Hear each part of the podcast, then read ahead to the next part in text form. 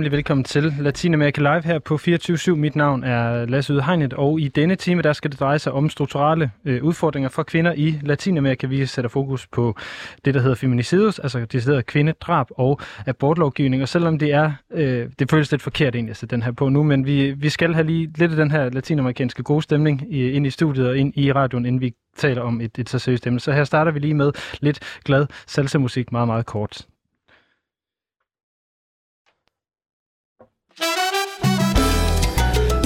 Jeg håber, det lige giver en, en lidt rar indflyvning til det her lidt, uh, lidt uh, tunge emne. Jeg har nemlig uh, to gæster med i studiet i dag til at gøre os lidt klogere på nogle af de her strukturelle udfordringer, som kvinder de står overfor i Latinamerika. Den ene uh, af dem, jeg har med i studiet, det er uh, Helene Belstev Clausen. Velkommen til dig, Helene.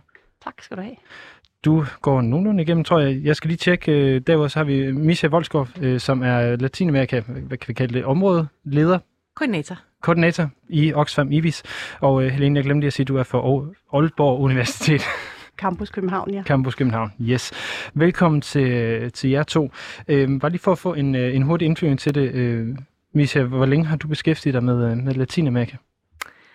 Uh, det har jeg gjort, uh, siden jeg uh, blev kastet ud og boede i en uh, lille nicaraguansk landsby som uh, 18-årig. Så uh, vendte hele uh, hele min verden vendte sig lidt på hovedet, og jeg blev fa- fascineret og forelsket i kontinentet. Så i mange år, kan vi næsten høre. Ja. Helene, du, øh, du har boet i Mexico. Ja, det har jeg også. Jeg har boet i Mexico også, og jeg har interesseret mig for Latinamerika siden øh, ja, de sidste 25-30 år. Og yes. beskæftiget mig forskningsmæssigt med det også, så det er... Hvad har, hvad har, du, hvad har din forskning primært øh, været drevet på? Den er primært på politik og på sociale og samfundsmæssige forhold i Latinamerika, så det kan jo ikke passe bedre. Nej, det, det kan det ikke. Det var også derfor, du tilfældigvis har fået en invitation til, uh, til Latinamerika Live her den her lørdag. Så næste time er altså dedikeret til uh, de her strukturelle udfordringer, som kvinder de står overfor uh, i Latinamerika. Vi skal tale om abortlovgivning, vi skal tale om det, som hedder feminicidas. Og jeg kan stå her i studiet med, med to kvinder, som har meget tætskrevne notesbøger foran sig, så det kan kun blive godt. Hvis vi starter meget lige på hårdt og så tale om abortlovgivning i øh, Latinamerika, fordi øh, eksempelvis i hvad hedder det, Mexico og i Argentina, der har man indført øh, en vis øh, grad af et, altså fri abort. Øh, hvorfor er det først her inden for de seneste par år, det er jo først, var jo først i slutningen af 2020, at man indførte det i Argentina, og så først her det seneste år, det er kommet i Mexico. Øh, hvis jeg nu kigger over på dig, hvorfor er, det, ja. hvorfor er det først kommet nu, at kvinder har fået ret til abort? Altså, hvis vi kigger på Argentina, som øh, øh, fik en historisk afgørelse i højeste ret den 31. december sidste år, hvor at... Øh, altså 2020? Ja, ty, undskyld, 2020. Ja, hvor at øh, abort blev afkriminaliseret, og at øh, kvinder fik lov til at få foretaget abort både på private og offentlige hospitaler til og med den 14. uge. Altså, det er jo en kamp, der har stået på i over 30 år, kan man sige. Og det er fjerde eller femte gang, at spørgsmålet var oppe i parlamentet. Så hvorfor nu? Jamen, øh, eller hvor, hvorfor, hvorfor på det tidspunkt? Hvorfor sidste år? Hvad er det, der sker? Øh, det er der helt sikkert mange forklaringer på, men i Argentina handlede det i høj grad om, at kvindesagsbevægelsen har bulret ud over Latinamerika, og i Argentina især øh, kom der en meget stærk organisering omkring den bevægelse, der hedder Niuna Menos, som betyder ikke en død kvinde mere. Altså, hvis, øh, ikke en kvinde mere skal dø. Mm. Øh, og det skete efter en ung 14-årig pige blev fundet brutalt myrdet, øh, efter hendes øh, kæreste havde øh, banket hende og slået hende ihjel, og hun var gravid. Og og der skete en kæmpe mobilisering i Argentina, som ligesom var oven på den traditionelle kvinderetsbevægelse. Og der var tusindvis af kvinder på gaderne, og udover, hvad skal man sige, selve kvinderetsbevægelsen, så var der også nogle nye politiske vinde, der blæste. Fordi den daværende, eller præsidenten, præsident Fernandes, var faktisk gået til valg med lovning om, at han ville forsøge at få abortlovgivningen igennem i Argentina. Og det er et kæmpe skift i forhold til, hvordan det ellers har set ud historisk i Argentina, hvor at der er en meget, meget stærk øh, katolsk kirke, og hvor at hovedparten af befolkningen er katolikker. Men der er altså sket en forandring, øh, en, en øh, bevidsthedsændring i forhold til, at der er mange argentinere, som nu siger, vi kan godt både være katolikker og være troende, og synes, at kvinder har ret til at bestemme over egen krop. Så det tror jeg er noget af det, der var afgørende for den, øh, det, der er sket i Argentina. Nu er øh, den, den siddende pave, pave Frans, er jo også argentiner, og øh, er forholdsvis pro, øh, eller meget progressiv, kan er nok den bedste måde at sige det på. Hvor meget har han haft indflydelse på, at, øh, at det her det er, er sket nu, I, tænker jeg særligt i forhold til Argentina? Altså, den katolske kirke og paven var fuldstændig imod enhver snak om abortlovgivning, og har været indet modstander. Og i timerne op, altså under debatten i parlamentet, som trak ud i, jeg kan ikke huske hvor mange, 21 timer eller sådan noget, der tweetede paven aktivt imod, at der skulle komme abortlovgivning. Så, så han har ikke været nogen hjælp, kan Nej, det var der vist ikke nogen tvivl om. Det er nøjagtigt det Godt. samme i Mexico. Altså, der er voldsom øh, modstand fra den katolske kirke, selvfølgelig. Det kommer vi, vi tilbage til, fordi ja. det, det første land i Latinamerika, der egentlig indfører fri abort, det er Cuba tilbage i 1965. Så det er jo faktisk ret, ret lang tid siden. Mm. Øh, Helene, nu Mexico ligger noget tættere på Cuba, end, end Argentina gør. Øh, hvorfor er det ikke kommet til, øh, til Mexico øh, noget før, den her øh, abortlovgivning? Hvorfor det ikke er kommet noget før? Altså, det er jo der har været eksempel på det, kan man sige. Ja, altså i Mexico har vi jo, er der en lidt speciel konstellation i forhold til den politiske organisering af landet. Det er, at du har en national regering, som har en, en vis magt selvfølgelig, og kan udstede lovgivningen som gældende for hele landet, men delstats, øh, delstaterne har forholdsvis øh, et stort øh, er rimelig uafhængige og kan beslutte internt i delstaten. Øhm, der er 31 delstater i Mexico, og så DF, som er Mexico City, så 32. Øh, og de er rimelig uafhængige af den nationale regering, og det så, kan man se inden for rigtig mange forskellige ting, blandt andet sundhed, hvor at i, øh, der er fire delstater, tre delstater, der har afkriminaliseret øh, aborten, og det er så nu først blevet her i december øh, gjort muligt, eller de har afkriminaliseret aborten også for hele Mexico ja, på nationalplan efter mange store øh, diskussioner. Men også i, høj, også, også i højesteret, ja, som, i højesteret, som, ja. som, som sige. Hvad, hvad har gjort, at højesteret har taget stilling til det i Mexico? Det er simpelthen pres fra netop kvinderets, øh, ja, de forskellige kvinderetsbevægelser, som egentlig er start, altså blevet fået et voldsomt... Øh, hvad kan man sige, altså dels med det digitale platform har det selvfølgelig gjort muligt, at der kan mobiliseres ikke blot ressourcer, men også altså bevidsthed. Folk ændrer bevidstheden. Øh, vi skal også tænke på, at der siden de sidste 20-30 år i Mexico har været meget stor fokus på at få flere kvinder i arbejde, flere kvinder uddannet. Piger er kommet i skole, fået lov til at gå i skole.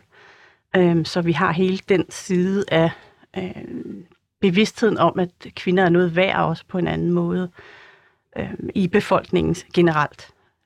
Det, at der så på den anden side har vi selvfølgelig også en social struktur og en øh, politisk struktur, der gør, at øh, vi har nogle øh, værdier og sociale normer, som er meget, kan man sige, mat- machismo øh, relateret. Men der er også flere ting, der spiller ind end bare machisme-kulturen i den her øh, sammenhæng. Det er også strukturen, altså den politiske struktur. Nå, det, det, det, nu har du sagt politisk struktur tre gange, og jeg, ja. jeg, jeg, jeg lige prøve for at vide, hvad er, det, hvad er det, du mener helt specifikt, når du taler om politiske struktur?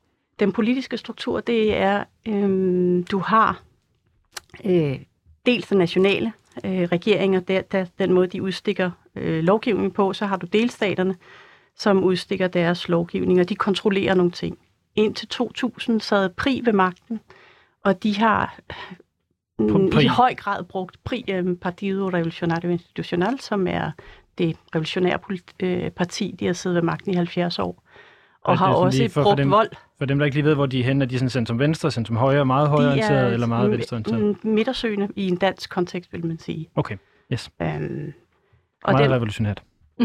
ja, og den, øh, det, ja, og den regering, der sidder nu, bliver, vil blive betragtet i en dansk sammenhæng lidt mere drejet over mod venstre. Øhm, måske lidt socialdemokratisk, men alligevel ikke helt deromkring. I hvert fald ikke højorienteret. Øhm, og de har men kørt... også konservative, mm. altså i deres sådan, men, hvad kan man sige, norm og værdisæt. Men det er jo også grundlæggende for det meste af Latinamerika, det er, at man ja. generelt er mere konservativt øh, tænkende i hvert fald på, på et samfundsstrukturelt øh, ja. niveau. Hvordan er... Undskyld. Nej, det er bare... Altså, Latinamerika sådan er jo en ekstremt voldelig region, altså hvis du kigger globalt øh, i forhold til andre øh, kontinenter. Og Mexico er, fordi de har haft, ikke fordi de har haft, men en del af forklaringen er, at PRI har en del af deres måde at fastholde øh, deres befolkning på, har været gennem vold. Så det er jo ekstremt voldeligt land.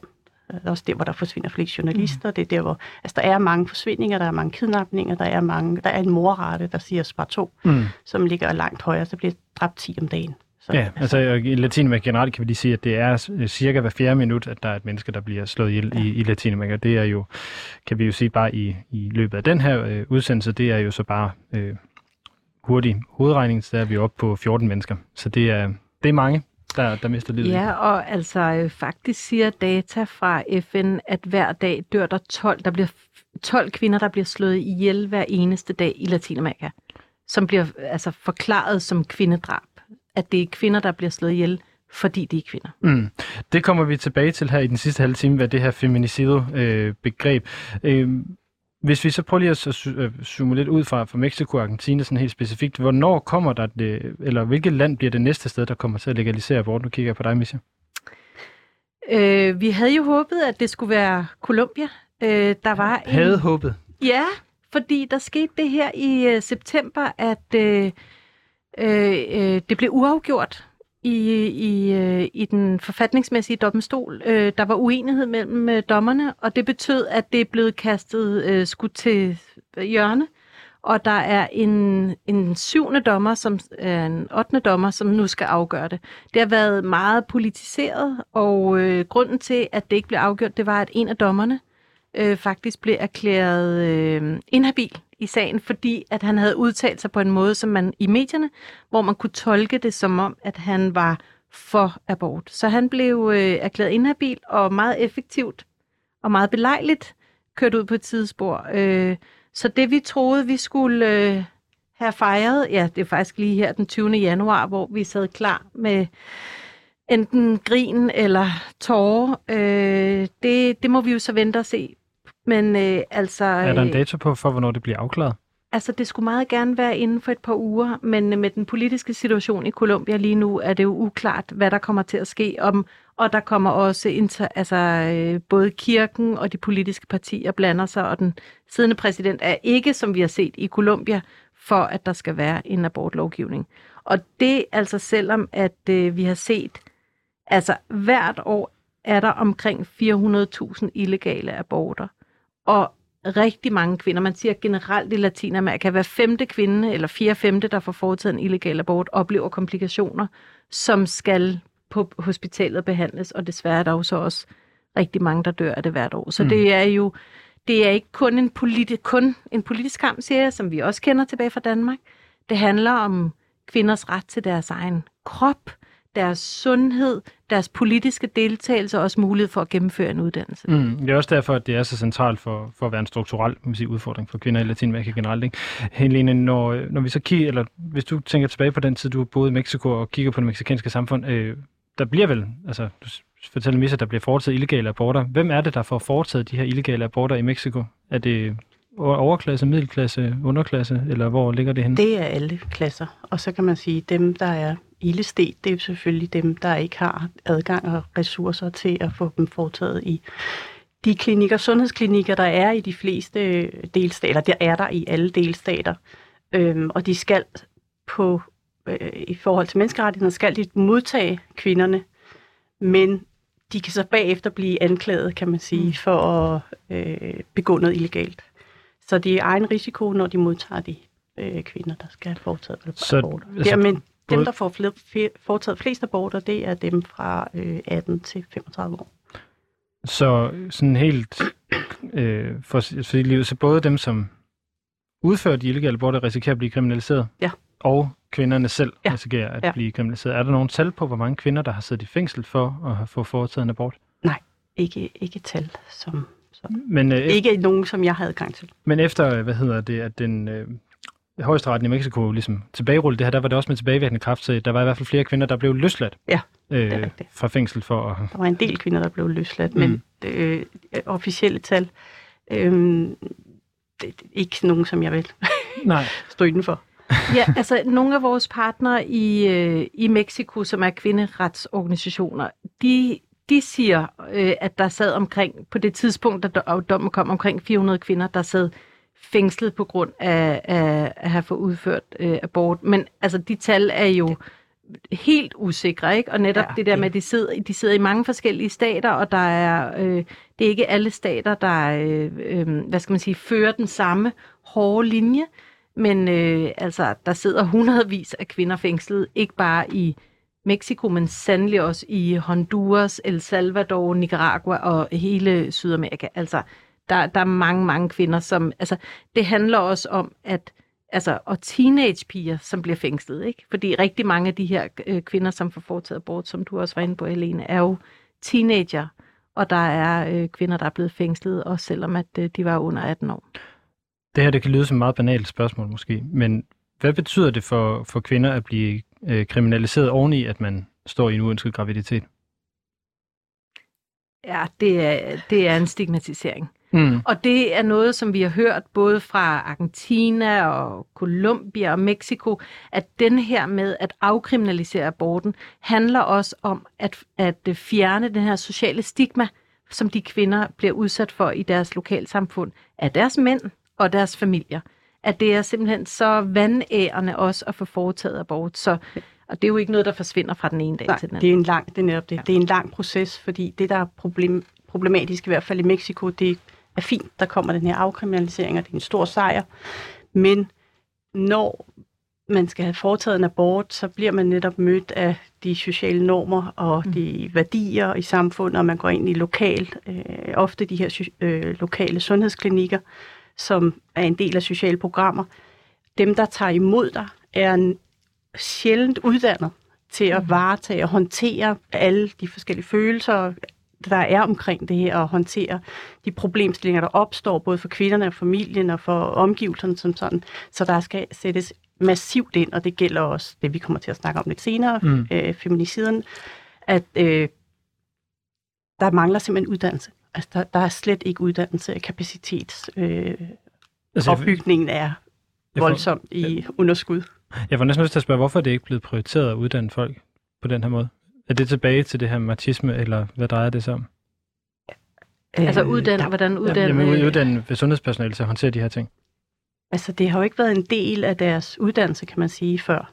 Øhm, det er en ting af det. Øh, en del af selvfølgelig matismekulturen. Jeg tror også bare, at vi skal komme lidt ud over matismekulturens indflydelse, fordi under pandemien har vi også set, at i alle mulige andre lande, en machismo-typiske karakteriseret, eller lande karakteriseret ved matismekulturen, er der også en voldsom stigning i vold, øh, øh hvad kan man sige, i, internt i familier, etc., etc.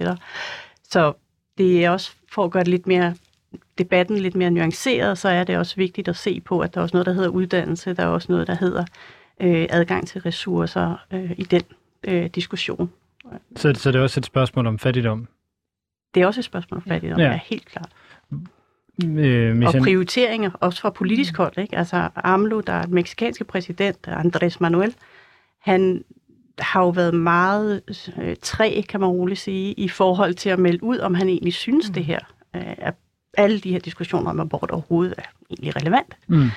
Øh, og på den anden side, så kan man se, at han er meget progressiv politisk i forhold til øh, kvindebevægelsen, i den forstand, at han øh, mener, der skal flere politiske, øh, der skal flere kvindelige politikere ind og sidde i både i delstaterne, men også i nationalregeringen. Han forsøger at øh, skærpe kønsdebatten i øh, de konkrete politiske tiltag, han har, men han skal også ned på ressourcerne til alle de forskellige kvindebevægelser, der før har været øh, i høj kurs politisk og fået meget støtte fra staten. De får nærmest ingen støtte nu i Mexico. Det er reduceret med over 30, til, mellem 30 og 50 procent de mest øh, progressive kvinderetsbevægelser, der er i Mexico for eksempel.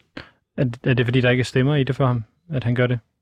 Uh, han har selv været på kanten et par gange til at insinuere nogle øh, lidt uheldige mm kommet med nogle lidt uheldige udtalelser, kan man roligt sige, når der har været nogle øh, store demonstrationer i de store byer i Mexico. Hvad har han sagt? Han har sagt, at de skal prøve at tænke over, at øh, de støtter de konservative, og fordi de taler deres sprog, og øh, de kan jo nok se, at han faktisk støtter dem, så han synes, det er noget pjat, det øh, gør modstand. Mm.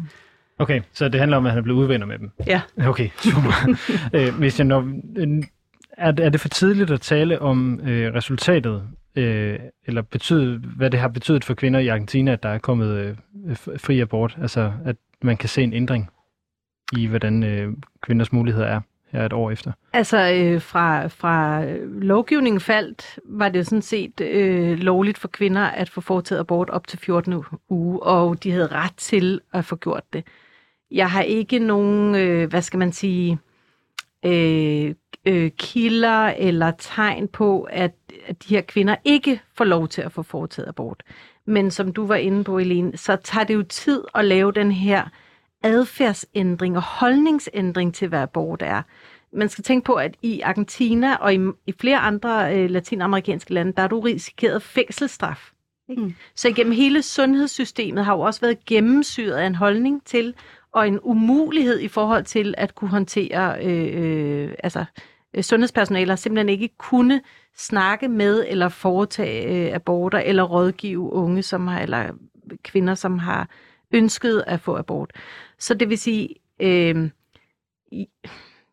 der går jo lang tid, før den holdningsændring kommer.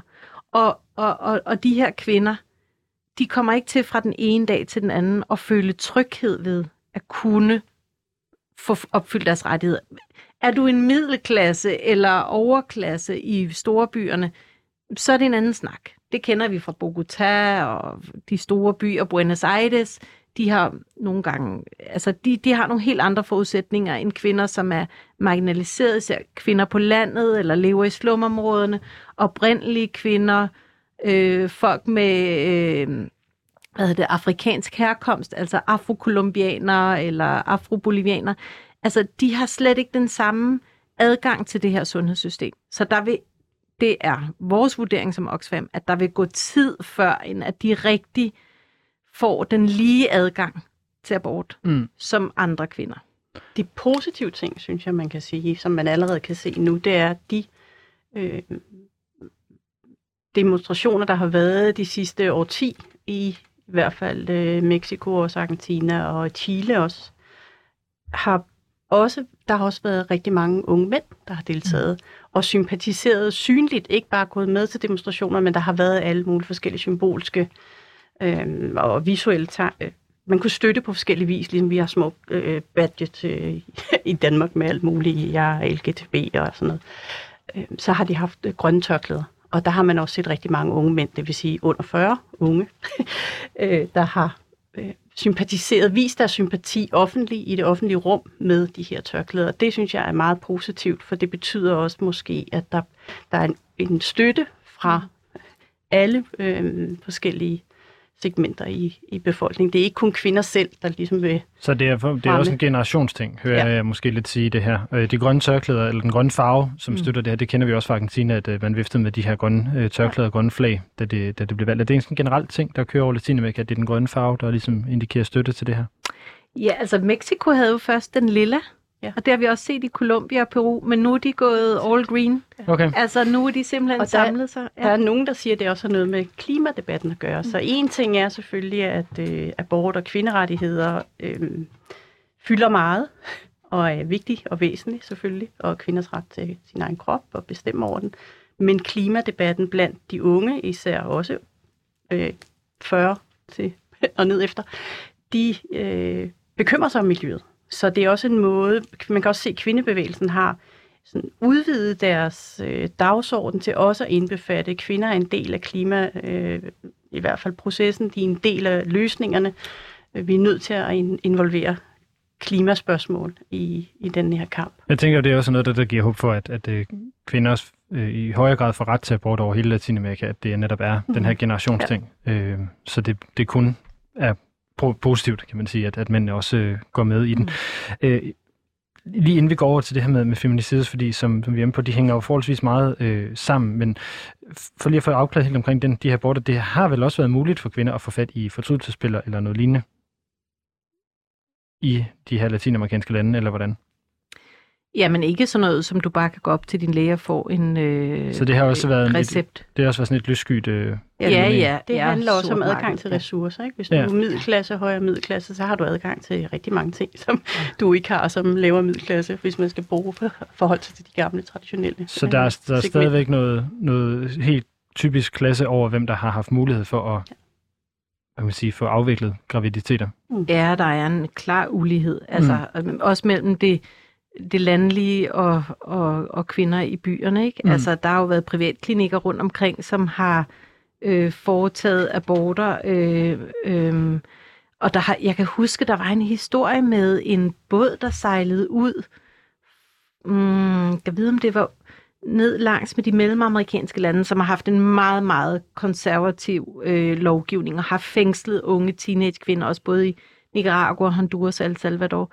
Og der kom sådan en flydende abortklinik, sådan så man kunne sejle ud i international farvand og få foretaget sin abort lovligt, og så blive komme hjem igen. Smart løsning. Ja, det var i hvert fald en, der var i hvert fald en efterspørgsel, ikke? fordi Mm. der var kvinder og piger, som var desperate. Piger, som er blevet voldtaget af familiemedlemmer eller andre øh, mænd i deres omgangskreds eller fremmede, som står i den ulykkelige situation, at de er gravide, og som jo simpelthen ikke har kunne få nogen som helst hjælp. Der var det jo en, en gave. Mm. Lad os prøve at bevæge os over mod det her, øh, hvad hedder det, øh, øh feminicide, hvad hedder det, øh, eller nej, jeg vil- har lige et spørgsmål mere, fordi der sidder 30 til, 13 til, til 17 fængslet i El Salvador for at have for foretaget en aborter. Der bliver foretaget 15.000 aborter i, i Danmark om, øh, om året. Hvorfor hører vi kun om de her 30, der, eller de her få lave antal, der er i fængsel, til Tori? Altså, hvorfor vi hører om det Hvorfor, i... hvorfor der er så få, der egentlig bliver fængslet, taget betragtning af, hvor mange der øh, altså, vi får aborter? Altså, Også illegalt. Ja, det, det er et godt spørgsmål, vil jeg sige. Man kan Øh, håbe på, jeg- at der er nogle af sundhedsklinikkerne, der også fungerer, øhm, fordi de kender familierne og kender den lokale kontekst. Og, altså, det ser man i hvert fald i Mexico for eksempel, at der foregår mange ting, hvor nogle gange også med kirken, hvor de faktisk byder ind med hjælp og støtte, øh, understøtter i, ulovlige handlinger på sin vis. Ikke? Så der er stadigvæk de her, hvad kan man sige... Altså, der er nogle informelle netværk, som man bruger, og som bliver brugt, og som ikke... Ja, så ryger du ikke i fængsel. Nej, Men så er der en intern aftale, men det er jo meget baseret på tillid i forhold til...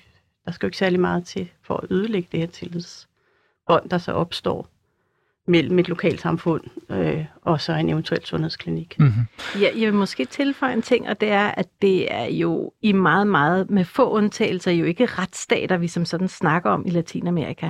Og det vil sige, at lovens lange arm når heller ikke ud i alle hjørner af landene, og derfor øh, går de her kvinder og piger jo under radaren. Ikke? Så, så de bliver simpelthen ikke øh, opdaget af myndighederne, så ud over det, du selvfølgelig siger, mm. at der er også nogen, der hjælper. Men så er der jo også, altså man kan sige, at øh, rigtig mange af, af de her forbrydelser, som vi skal snakke om senere, de bliver aldrig nogensinde opklaret. Og der ryger jo de her kvinder, som får abort ind under mm. også der. Ja, men det, lad, os, lad os egentlig bare gå, gå over til det her med at tale om, om feminicider, så de her øh, forbrydelser, der, der sker mod, øh, mod kvinder. Findes der et tal på, hvor mange øh, altså drab, der bliver begået på kvinder, fordi de er kvinder? Findes der et tal for det? Ja, det Ja. gør der. Ja, de bliver opgjort. Altså i Mexico, øhm, ud af de 4.000 drab, der er, foregår, i- eller var i 2020, der er de 1.000 af dem lidt under 1.000 øh, kvindedrab, eller kategoriseret som kvindedrab. Det er jo en, Så 25 procent der er kategoriseret som et, et feminicide, ja. helt specifikt. det, der er lidt tricky ved de her opgørelser, det er, at øhm, det er politimesteren, der bestemmer, om det skal kategoriseres som et almindeligt drab, eller et øh, overfald, eller øh, et kvinde kønsrelateret drab. Ja. Og der er jo meget forskellige forståelser, hvor grænsen går for de forskellige kategoriseringer. Ja, så hvad, hvad, er, hvad er et kvindedrab, og hvad er et, øh, eller hvad er et drab på en kvinde, og hvad er et femi- feminicide? Hvordan altså definerer et, vi det? øh, et, øh, sådan som, hvad skal man sige, som den, de, som FN, som ligesom er den internationale øh, øh, øh, vogter omkring øh, kvinders rettigheder og, og, og kvindedrab. altså sådan som det bliver defineret, så er det drab på en kvinde, fordi hun er en kvinde. Ja. Altså, det, det lyder lidt, men det har vi altså også i Danmark. Og Ja, vi det- kalder det, det kvindedrab, ikke? Øh, hvad skal man sige, selve raten eller quotienten kvindedrab af, af det der femicidier eller kvindedrab, den er, den er lavere, den er lavere i Danmark, men, øh, men det foregår også i Danmark. Mm. Så det er et drab på en kvinde alene på grund af hendes køn. Mm, og det er altså 25 procent cirka. Ja, Mm. og der er små 90.000 drab om året i hele verden. Og en rigtig stor procentdel af det foregår så i Latinamerika. Hvis Mm. du ser på FN's liste over de 25 lande med allerhøjst forekomst af femicidier, af kvindedrab, så de 14 af landene er i Latinamerika. Mm. Og det indikerer jo, hvor gralt det står til i den her øh, region, og som du, Helene, også var inde på. Altså den her mandsjuvenisme, machismo, den kultur, og en masse andre faktorer også, men hvordan den her mandsjuvenisme og machismo gennemsyrer samfundene og værdier og normer, og altså også lovgivning, det er med til at, øh, at forklare, øh, hvorfor det står så galt til i Latinamerika. Er der nogle steder i Latinamerika, som er forbilleder i forhold til at bevæge sig, hvad kan man sige, væk fra det her? Du sidder og leder efter nogle tal, hvis jeg kan se et eller andet sted. Nej, men altså, øh, Cuba var jo øh, fremme altså øh, tidligt og har altså kvinders rettigheder i Cuba er noget ba- det er helt anderledes. Kvinder har en anden et, en anden position i samfundet. De, er, Øh. de er, bliver... Jeg ved ikke, om man ligefrem kan sige, at der er ligestilling, men der er i hvert fald en helt anden form for øh, respekt omgivet kvinderne i det kubanske samfund. Og der er nogle andre... De bliver tillagt nogle andre karakteristika end i resten af Hvad, hvad kunne det være, de bliver tillagt? Altså, de er jo tit uh, businessfolk. Entreprenører er jo utroligt. Det er dem, der tager styringen. Også ikke kun hjemme, hushold, men det er også øh, med entre, inden for entreprenørskab. Det er dem, der sætter iværksættere. Det er dem, der er tillid til i forhold til at give licenser, når man skal starte virksomheder op.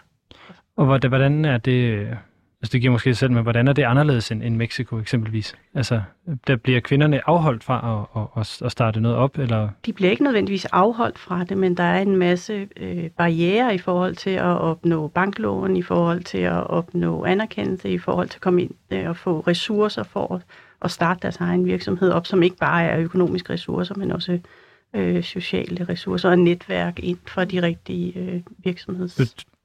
du, sidder og nikker med, at, at det, kunne, at det, kunne det være, at, at der er en, en mand der- eller en ægtemand, der skal skrive under på, en, en, at en kvinde må låne penge, eller, eller noget lignende? Ja, sådan, altså det er fuldstændig gennemsyret i langt de fleste latinamerikanske lande. At det er også adgang til jord, og hvem der ejer jord, og hvem der ejer fast ejendom. Og arbejdsfordeling. øh, arbejdsfordeling, øh, færdiggørelse af uddannelse. Altså det er øh, generelt kvinder, der dropper øh, tidligere ud af uddannelsessystemet. Det hænger i øvrigt så også sammen med teenage-graviditeter, ikke? Øh, men øh, altså, hvad skal man sige, al den ulighed, der er i forhold til kvinder og køn og kvinders rettigheder i Latinamerika, får, hvad skal man sige, det starter tidligt i livet med nogle normer, nogle sociale værdier, og hvordan du bliver placeret i dit køn som kvinde eller som pige i et samfund, kommer til at påvirke dig resten af dit liv. Selvfølgelig er der også udbrydere, og vi har jo lige hørt historien om Xiomara i Honduras, og der sker selvfølgelig en masse ting, og vi ser kvinderne gå på gaden, og der er forandringer. Men der er bare mange, mange millioner kvinder stadig i Latinamerika, som lever under de her øh, gammeldags øh, og mandsprægede patriarkalske samfund. Helene, når, vi så, eller når du så kigger på, på Mexico øh, i forhold til, hvor mange kvinder, der bliver dræbt eller bliver underlagt de her forskellige øh, øh, udfordringer, øh, hvad, hvad, hvad, hvilken udvikling har du set, der har været i, i Mexico i forhold til, om er det blevet bedre, er det blevet værre? Øh, Altså på sin vis er det jo øh, en lidt komplekst billede, der tegner sig, fordi de får, der er jo en, en kolossal stigning i øh, piger og kvinder, der tager uddannelse. Der er en kolossal stigning, stigning især i storbyerne i forhold til øh, kvinder, der starter deres egen virksomheder, der bliver økonomisk uafhængige af familien, og simpelthen også fravælger børn, øh, fordi, og de kan have mulighed for at fremvælge børn, øh, fordi de vil have deres eget liv, de har ret til at bestemme og beslutte at tage ansvar for deres eget liv på den vis. Øh, så det har ændret sig voldsomt de sidste 20 år i Mexico. Det kan man tydeligt, tydeligt se.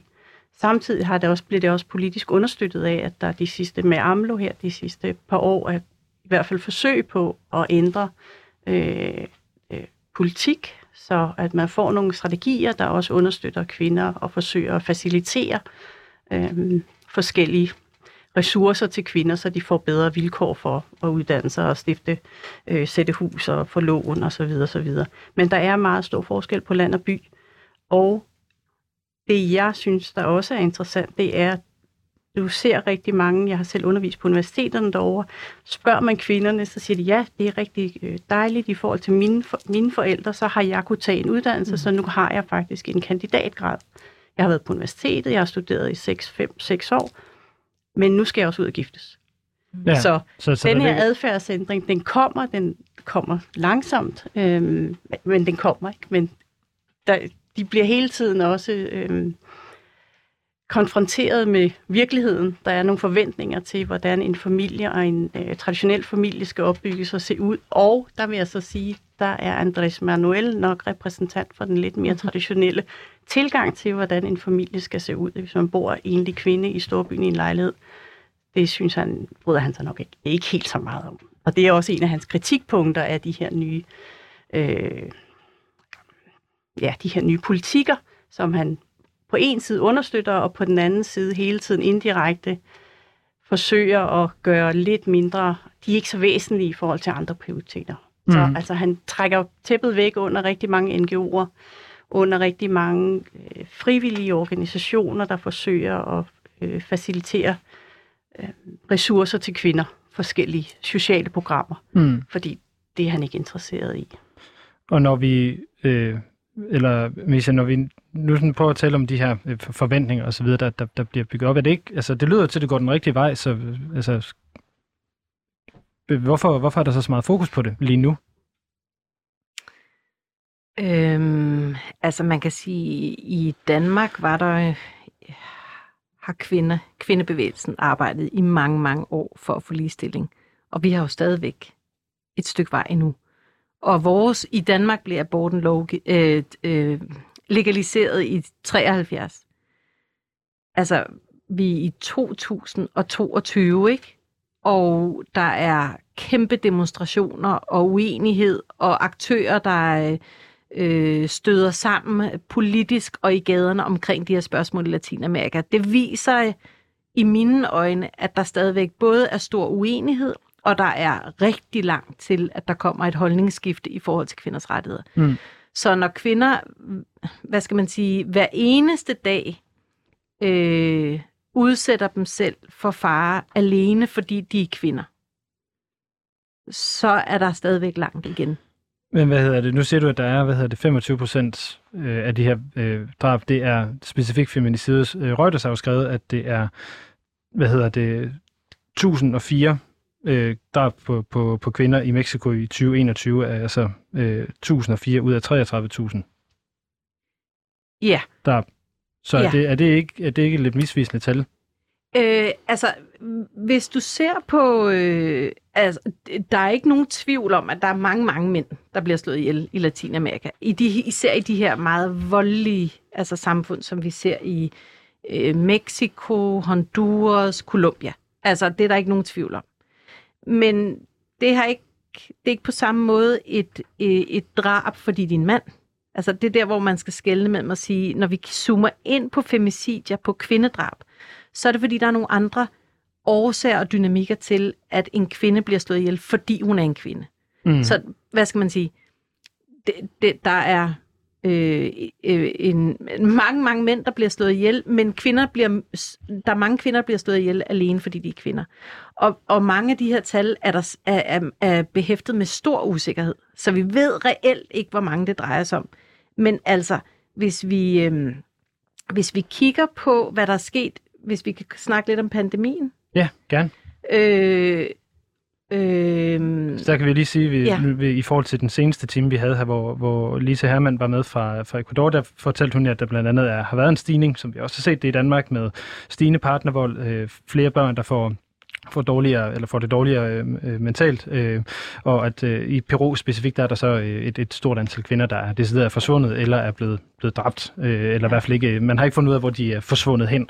Nogle har man jo så fundet ud af har været dræbt, andre er en måske ind i, i, hvad hedder det, slavearbejde eller human trafficking. Så der er jo en, en stigning, men det har det jo så været globalt på, på udfordringer. Ja. Kan man sige. Og det har vi set i Latinamerika. Og mm. Latinamerika bonger ud internationalt i forhold til konsekvenserne af pandemien.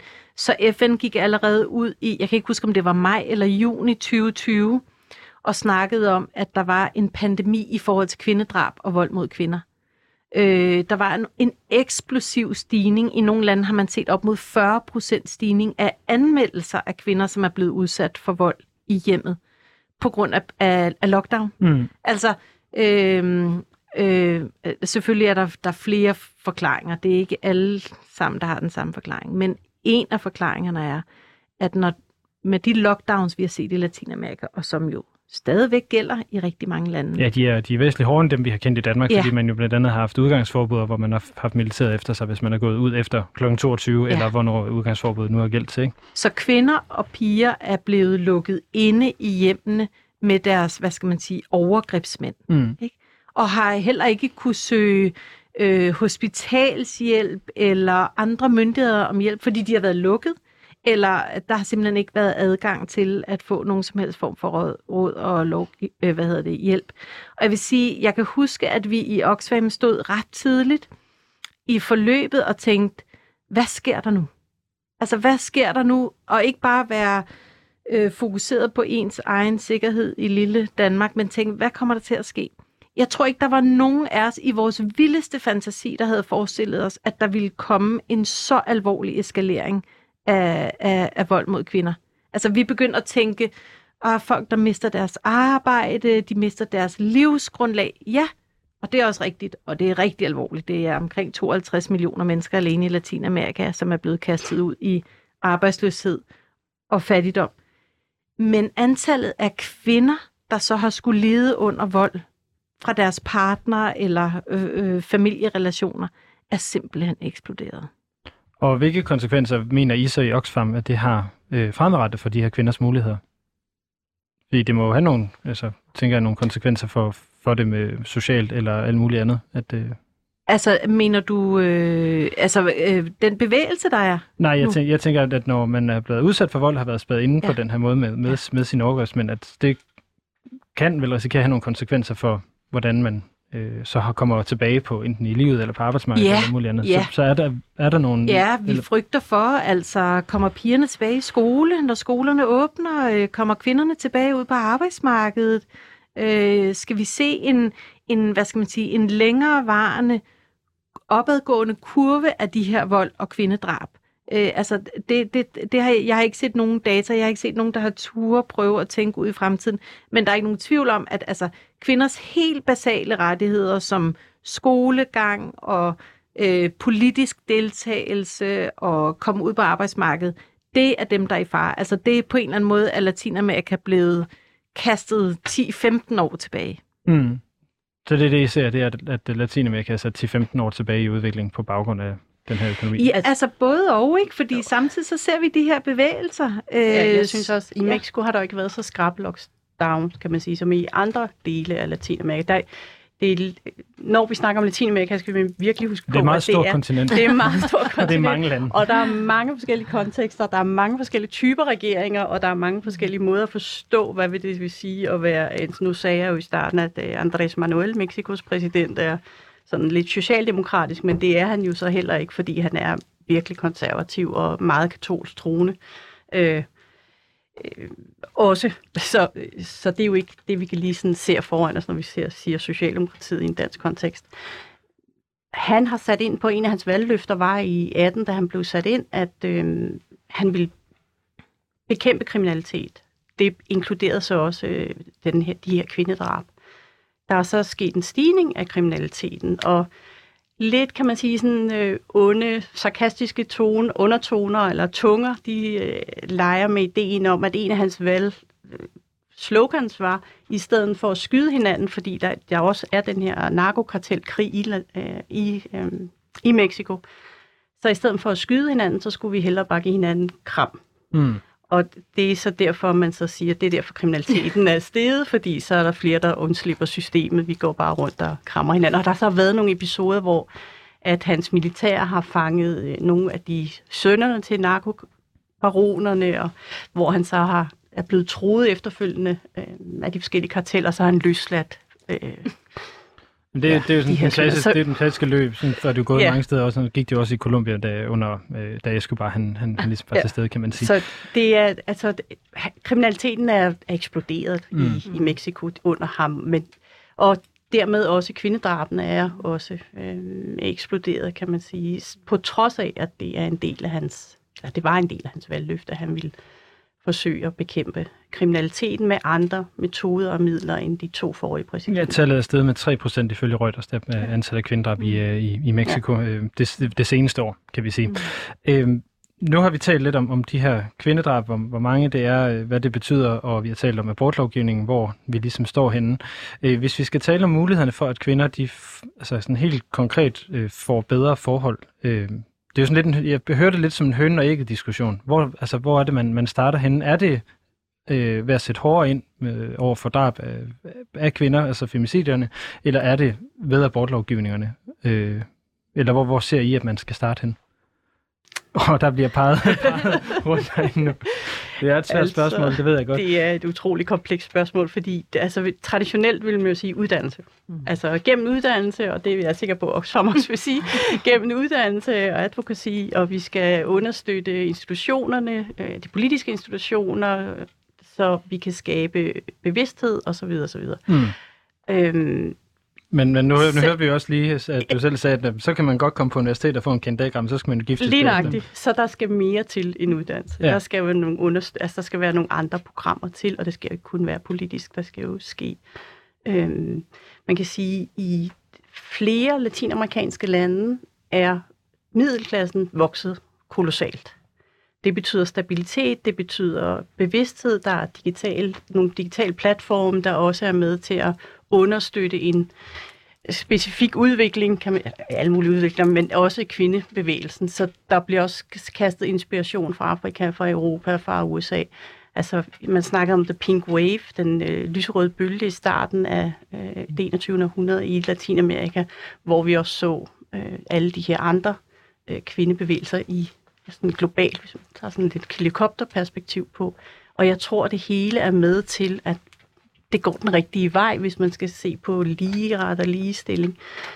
Det, øh, og nogle gange kommer der sådan nogle større skridt end andre, men det, det handler om mere end uddannelse. Nu kommer de med sådan et, et rigtig irriterende spørgsmål. Sådan på en skala fra 1 til 10, hvor 10 er det bedste, hvor, hvor, Helene, hvor vurderer du så, at, at kvinders muligheder øh, er henne? Fremtidige muligheder. Nej, nu. Fordi så tager Nu? vi den, så, så kan vi lige tage den senere med om, om, om 10, 15, 10, 15 år. Øh, nu er den lige midt i, altså 5-6 stykker. 5, 6, Den er i okay. hvert fald bedre, end den var for 20 år siden. Okay, Meget det, bedre. det, er højere, end jeg havde troet. Hvad, hvad, okay. vil, du, hvad vil du tænke, Misa, at den, øh, den ligesom står på? at der er en ekstrem forskel Ja. mellem hvilke kvinder og piger vi snakker om. Hvem der Og har lande. mulighederne og hvilke lande. Ja. Så øh, at sige fem, så er der nogen, der er nede på en. Ja, hvor, Og hvor, hvor, nogen, hvor, står det, så, hvor står det så skidt til? Det står El øh, i, Salvador og ja. Honduras. Ikke? Det er Ja. jo det er dem, der bonger ud. Øh, altså El Salvador og Honduras, Nicaragua, Brasilien. Øh, ja, altså det, det er...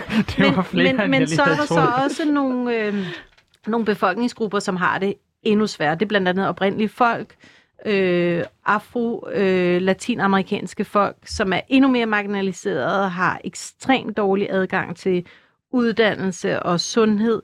Altså, de har jo slet ikke de samme muligheder. Helene, jeg kunne ikke være mere enig med dig i, at det her det handler om uddannelse. Mm. Som helt... Selvfølgelig nytter det heller ikke noget, du kommer i fængsel for at få foretaget en abort. Altså, øh, øh, legalisering af aborten er en forudsætning for, at vi får nogle holdningsændringer til, at kvinder får ret til egen krop. Mm. Og derudover, så skal vi jo sikre, at alle kvinder har lige adgang til uddannelse. Fordi jo mere jeg har tænkt over de her ting, og jo mere jeg har hørt om, der virker nemlig abortlovgivningen som en af hjørnestenene, i netop i forhold til, at øh, kvinder netop er, bliver i stand til at leve selvstændigt liv, fordi de ikke meget tidligt bliver fanget af øh, uønskede graviditeter. Øh, de kan måske endda undslippe nogle af de her meget faste normer, mm. der, der jo ligger, øh, og at den her abortlovgivning også kan være med til at netop lave det her holdningsændring, eller grundlæggende mm. flytte det. Øhm, I jeres arbejde i, i Latinamerika, hvor, hvordan arbejder I med at få indført øh, de her abort, øh, hvad kan man sige, fri, eller frigivet aborten Ja, altså nogle steder kan man sige, der er vi øh, ikke, hvad skal man sige, konfronterende, fordi at vi arbejder med forskellige typer kvindeorganisationer.